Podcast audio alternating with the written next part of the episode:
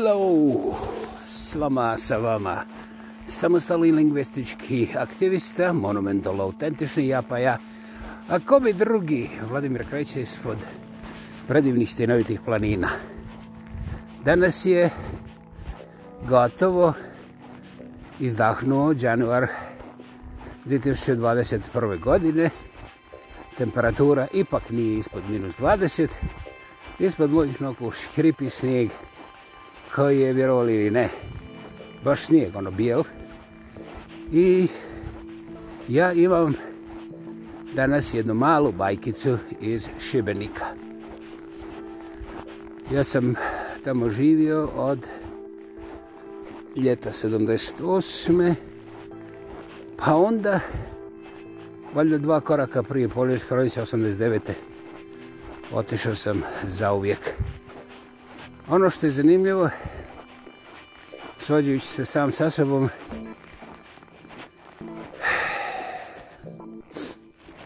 ja ono milion filtera ima koje riječi će ići, koje neće, međutim, nema filtera koji bi isfiltrirao takozvanu istinu ili duh nečega što što je od uvijek živjelo, bilo živo i nastavilo da živi u nekim svojim prostorima i vremenima koja su nedodirljiva za prokletost ovog takozvanog realnog života. Ali u to vrijeme ja sam isto kao i danas bio i ostao oduševljen pisanom i kazanom riječju. I kako danas svi imamo, svi imamo svoje ekrane i kamere, pa buljimo tamo i sve manje pišemo, još manje čitamo, a govorimo ovisno o našim nervozama i skrozama, onda postoje neke stvari koje se nisu mijenjale ja sam volio govoriti onda i ostalo mi da danas premda nije bilo jeftino. Naime, kad sam se brodova tadašnje ratne mornarice dolazi u grad, odmah se znalo da sam tamo i mada sam bio u civilu uvijek, nikome u Šebiniku nije vidio u uniformi, znala su i mala djeca da sam profesionalni vojnik koji dolazi sa brodova jer u grad se ulazilo s mandaline tamo odakle su svi vojni brodovi pa onda remontni zavode pa onda te puste u to vrijeme kasarne danas vojarne nećeš vjerovati ogromne razlike i eto tako dakle mogu sam ja da nosim bikini ali i dalje ne bi bilo sumnje da sam to ja i da dolazim sa brodova tadašnje ratne mornarice.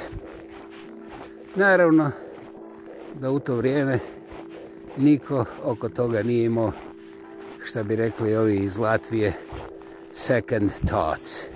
Niko nije nešto razmišljao šta da radi, kako da radi, ali se znalo ako sam ja u gradu, da može da padne runda dvije, tri, četiri besplatnog pića. A di ćeš pit ako nisi večero, jeli? I šta misliš koji i to platim? Ja sam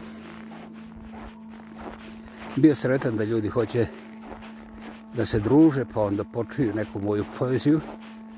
I smatrao sam da nešto radim, to jest pišem uzelo je vremena dok nisam shvatio malo upoređujući moje račune, jer sve te, sve te izlazci u Šibenik su vrlo brzo pokazali svoje financijske zube. Naime, bio sam opelješen. Ja nisam imao nikakvih drugih rashoda za život, jer sve mi je bilo plaćeno na brodu, ali mjesečno ako izađem jedan put, pa slučajno dva put, E, za treći izlazak mi je trebala lova. Morao sam da se snalazim za tu lovu. I premda je sve bilo toliko jeftiro da sam svaki dan doslovce mogu ručavati u najboljem Solarisovom restoranu. Na večer dok sam isplaćao sve ove moje slušatelje. Ne znam koji novac ne bi isparijem. I, Bože moj, e, nije mi smetalo onda ne smeta mi ni danas. Međutim, onda se desilo to da je neko upalio svjetlo, da je taj mrak morao reli negdje da nestane. Ja se naravno u tom procesu na vrijeme predvidio da je odlazak izvan granica tadašnje države koja je imala ozbiljan problem sa integritetom. I ovaj, Ja sam bio sretan što nisam morao da se provlačim preko ilegalnih kanala, nego sam vrlo legalno, više od godinu dana ranije, nego što se to sve počelo stvarno raspadati, otišao sa jednim malim koferom svojih privatnih stvari i šibenika da se više ne vratim. Kasnije u Kravogradu sretnem jedan crnokošuljaš košuljaš koga sam ja volio zvati Mik Šibenik i objasni mi slušaj pazi šta radiš ja znam ko si ti šta misliš šta će te ovi moji crnci uraditi ako im ja kažem to je bilo to je bio koncert Tereze Kesovije u Hrvatskom domu u Kalgariju ja sam bio sa Helenom i Helena je sve to vidjela ali nije obraćala ama baš nikakvu pozornost. I mislim da je bilo drago što ja nisam ni trebno. Međutim, kad se ovaj gospodin izgubio da pozove svoje crnce, oni su baš prekrasno KGB-ovski bili obučeni one crne dugačke kožnete mantile. Jedino je falila svastika, ali ona je ostala kod svasta, čuo sam. Radili su nekakve, ne baš društveno-političke, ali sigurno radnje. Ovaj, ja kažem Heleni, vidio li ti ovo, kaže, eh, ti dereni su impotentni, ovaj, nemaš potrebe komentirati. Ja kažem, znaš šta, možda ja na mom licu sam hrabar, ali moje gaće su pune, znaš. I Helena kaže, nema problema, samo ti nastavi. Ako vi nastavi da čačkaju, oni će naći šta su posijali, jel? Ja kažem, čovječ, kaže, ej, odlično je ako si se ukakio, kad oni dođu da te čačkaju, skineš gaće, pokažeš im rezultate i pustiš ih da završe posao. Kažem, pa oni prijete da će me ovaj, skalpirati. Kaže, znaš šta? Ako si se usro, glupo je da bježiš. Kad si se već usro, onda bidni to što jesi i Bože moj, da se zna, ovi dereni, s čime posle imaju. Uglavnom, ja sam znao da mogu reći šta god zamislim. E, samo malo. Hello. Hi. Hello. Wonderful job.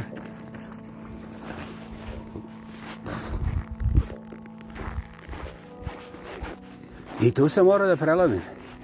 Ma, nije da nisam htio da pobjegne, znaš ali trčanje sa punim gaćama, mislim, i sa kravatlinom. Onda druga stvar, vani je ledeno, čovječe, trakcija, ono, proklizaš na prvoj krivini.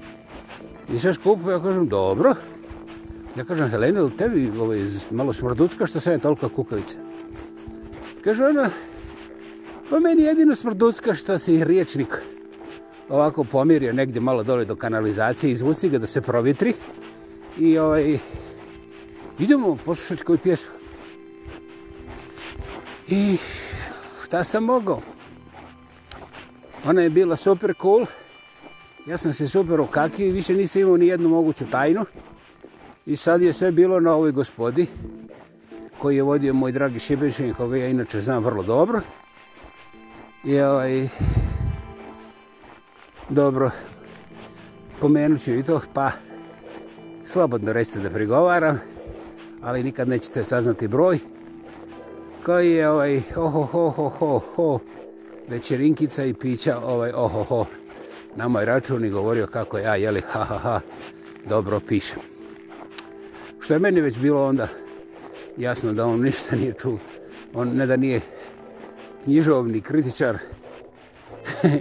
A ja sam mogao da lupom i na nekom mongolskom jeziku, on bi se složio i rekao da je to fantastično garant na isti način kao i ovo. Dakle, e, to je bila jedna velika škola koju sam ja kasnije promatrao evo, u zadnje vrijeme. Mislim u Americi da imamo jedan takav primjer na najvišoj razini. I ovaj, to se izgleda jednostavno dok živiš na svojoj koži. Međutim, kada ljudi stvarno počinju da maste, a ono 100% imaju inteligencije da, da nemaju ni trunke sumnje da sve to što maste nema veze sa nikakvom mašću. da, tu objašenje ne treba. Dakle, uđemo Helene i ja u taj dom, vrlo lijepo, vrlo, vrlo ugodno mjesto. A šta ja znam, par stotina ljudi unutra? Ne, garant nije bilo par tisuća, jer ja znam da imaju jedva 50 stolova i ovaj, da za svakim stolom, ono kad je posebno zahtjevno, jer imaju svadbe, može da sjedi desetak ljudi, a zakon im dozvoljava osam. Dakle, izvolite izračunati. I sada je bilo ono još uvijek zagrijavanje orkestra, ozvučenje, Tereza nije došla. I ja sam nekako stavio blizu vrata, jer kad počne ovo, preispitivanje ove gospode da nekako ovaj budem bliže ovoj hitnoj pomoći ili žurnoj pri pomoći svejedno kako hoćete a ovaj i normalno da Helena bude prema unutra znaš da, da se ne upliče u sve to veselje i izraze otačbino, otačbinsko-domovinske ljubavi. E, I onda je ušla Tereza i pravo naleti na mene. Ja s Terezom nisam kućni prijatelj, ali nekoliko puta smo se u životu sretali i uvijek je bilo onako čao bao, ona je uvijek zujela na nekakvom četvrtom piću, a ja sam imao nekakav vic. E, mali dis, lijevo, desno, ovom onom. I u to vrijeme moj dragi Mik Šivenik, sa svojim crnokošuljašima ono umaršira njih četvorica petorica. A Tereza ono čekula sa mnom sti ovdje doša i tako dalje. A došao sam da tebe vidim, evo, to je moja gospoja i ona te zavoljela. Ja sam joj govorio kako smo se prije sreli i eto. I ona kaže daj dođe ovamo, imam, tek sam izdala knjigu. Ovaj, evo ti knjiga, evo ti, ovo ti si. Srećković da mi otvoriš večeras koncert. I tu odjedno vidim kako moj mikševenik mijenja ovaj facu.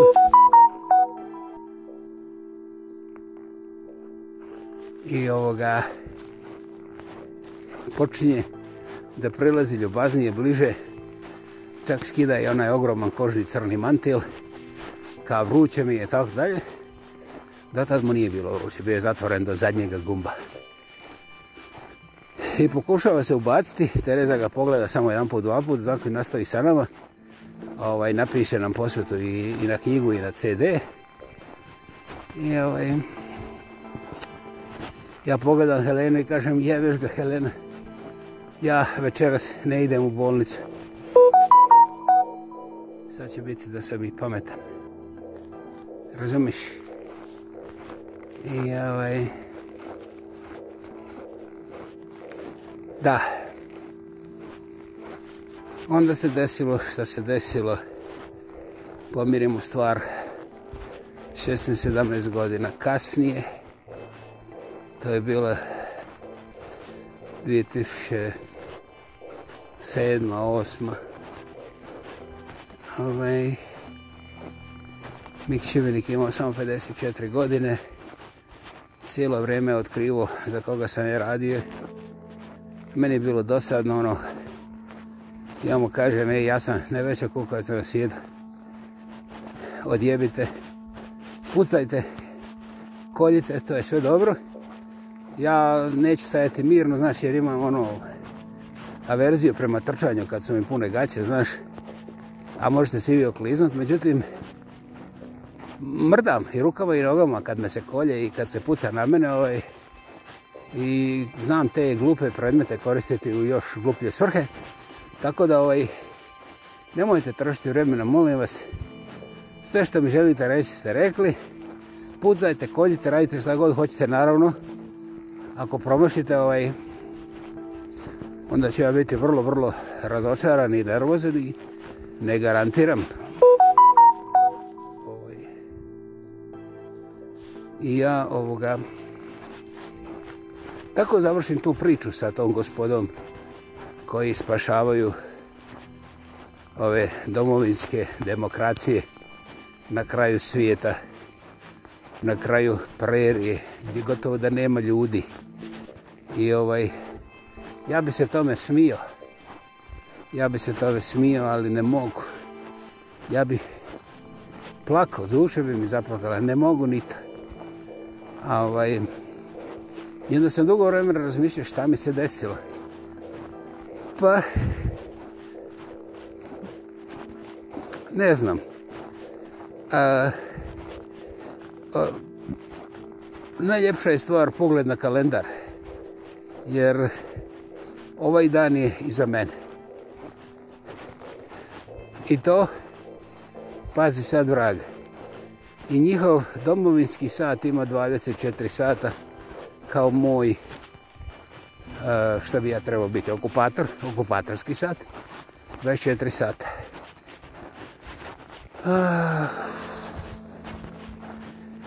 od mene niko ne traži ničiju krv ja sam s time povlašten ja ne osjećam potrebu Bogu isporučiti niti jednu žrtvu osim samog sebe kad dođe vrijeme, jel? a to je opet u njegove vlasti. Ovaj,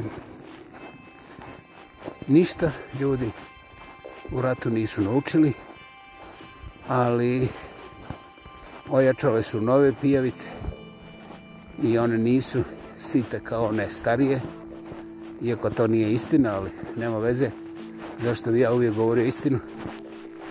I ovaj, je planeta, ja sam, ja sam uporno tvrdio da je ravna, ali nije, okrugla je. I ovaj, Mik Šiverik je, dakle, 15, 16, 17 godina poslije te večere sa Terezom u Hrvatskom domu, kulturnom domu u Kalgariju. A ovaj, imao je 54 godine opio se, posluđao se sa svojom ovaj, gospođom i nije htio da se vrati doma dok još ne zali koju. I onda je izašao, nije mogao da pokrene auto i krenuo je pješice.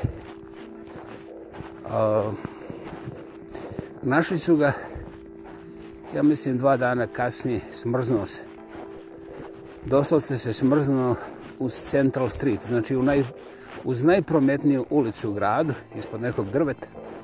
Valjda je bio umoran i pijen.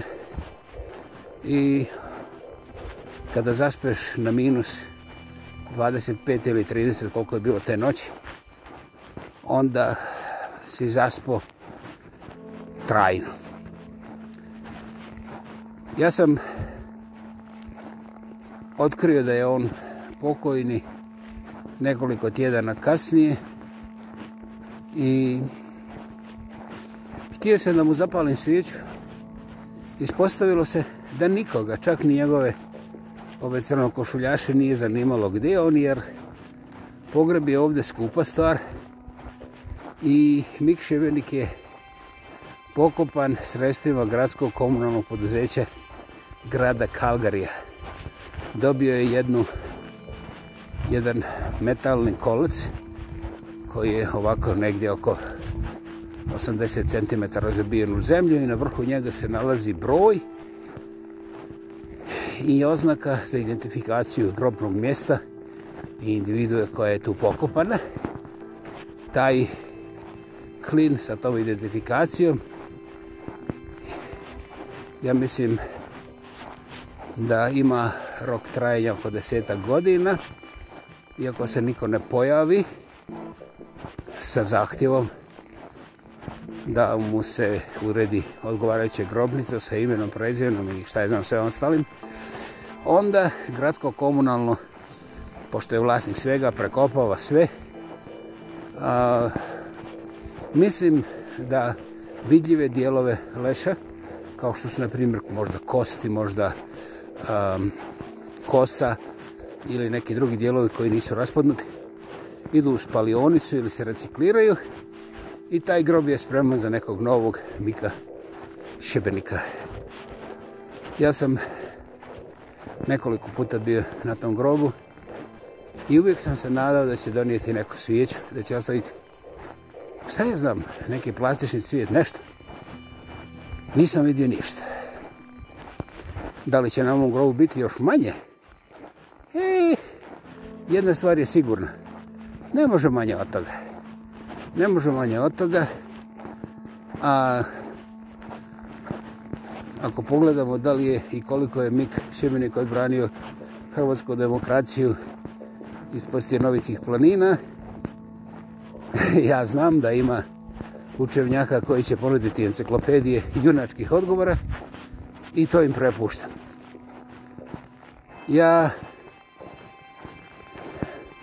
Mika Šibenika moram pomenuti jer je izbrisan čak i od svoje familije.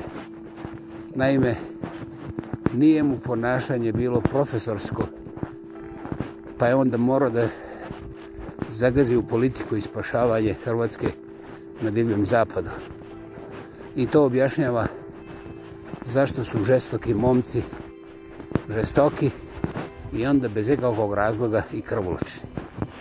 Dakle, demokracija koju brane takvi neuspjeli duhovi kao i sami. Hello, you got wonderful, wonderful dog. Powerful dog. Beautiful. Oh, thanks. Hey. He's kind of a gem. Which is beautiful. Healthy, happy dog. Yeah. Thank that you. is the best. Yeah. Thank you guys for making my evening. Thanks. See ya. Dakle, ja sam u parku, to znate. I ovaj... Ja mislim da je Mikševenik minut po minut onako gotovo u agoni živio te svoje zadnje godine u čemu ja ne vidim nikakvu zadovoljštinu ni radost za sebe ili u sebi. Ja bih dao sve da se mogu komunicirati, dakle, reći mu da on čuje, ne zapovidite, nego reći mu slušaj, pogledaj koji su tvoji zahtjevi i pogledaj gdje se nalaziš. Znaš, pa znam ja, e, završena priča. Dakle, čovjek ne dozvoljava da mu se pomogne i on je to spreman dokazati vrlo tupim predmetom na mojoj glavi.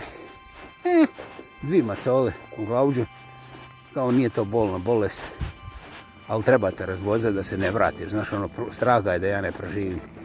A ja sam proživio. Ja nisam proživio tijelom. Ja sam proživio dijelom ljubavi, ne krvi, ne mržnje. Ja sam preživio naivnošću, a ne krutošću sve znanja. I ja ću umrijeti bez sve znanja. I Bogu hvala što je tako, ali to ne znači da ću biti lijen i inertan i zaustaviti se ovdje i čekati da po mene dođe sudnji dan. Dakle, ovo je bilo 87. podcast podcast Slama sa vama, ja pa ja, ko bi drugi, Vladimir Peća sa hm, predivnih stinovitih planina. Hvala vam. Ja bih volio kada bi ova priča bila izmišljena i kada bi njeni akteri bili plod mašte. Nažalost, u ovoj priči je bilo svega, a nije bilo mašte. Još uvijek nam fali puno, puno mašte i još više ljubavi i razumijevanja. Hvala. Dobro vam dala. Čujemo se sutra. Hvala.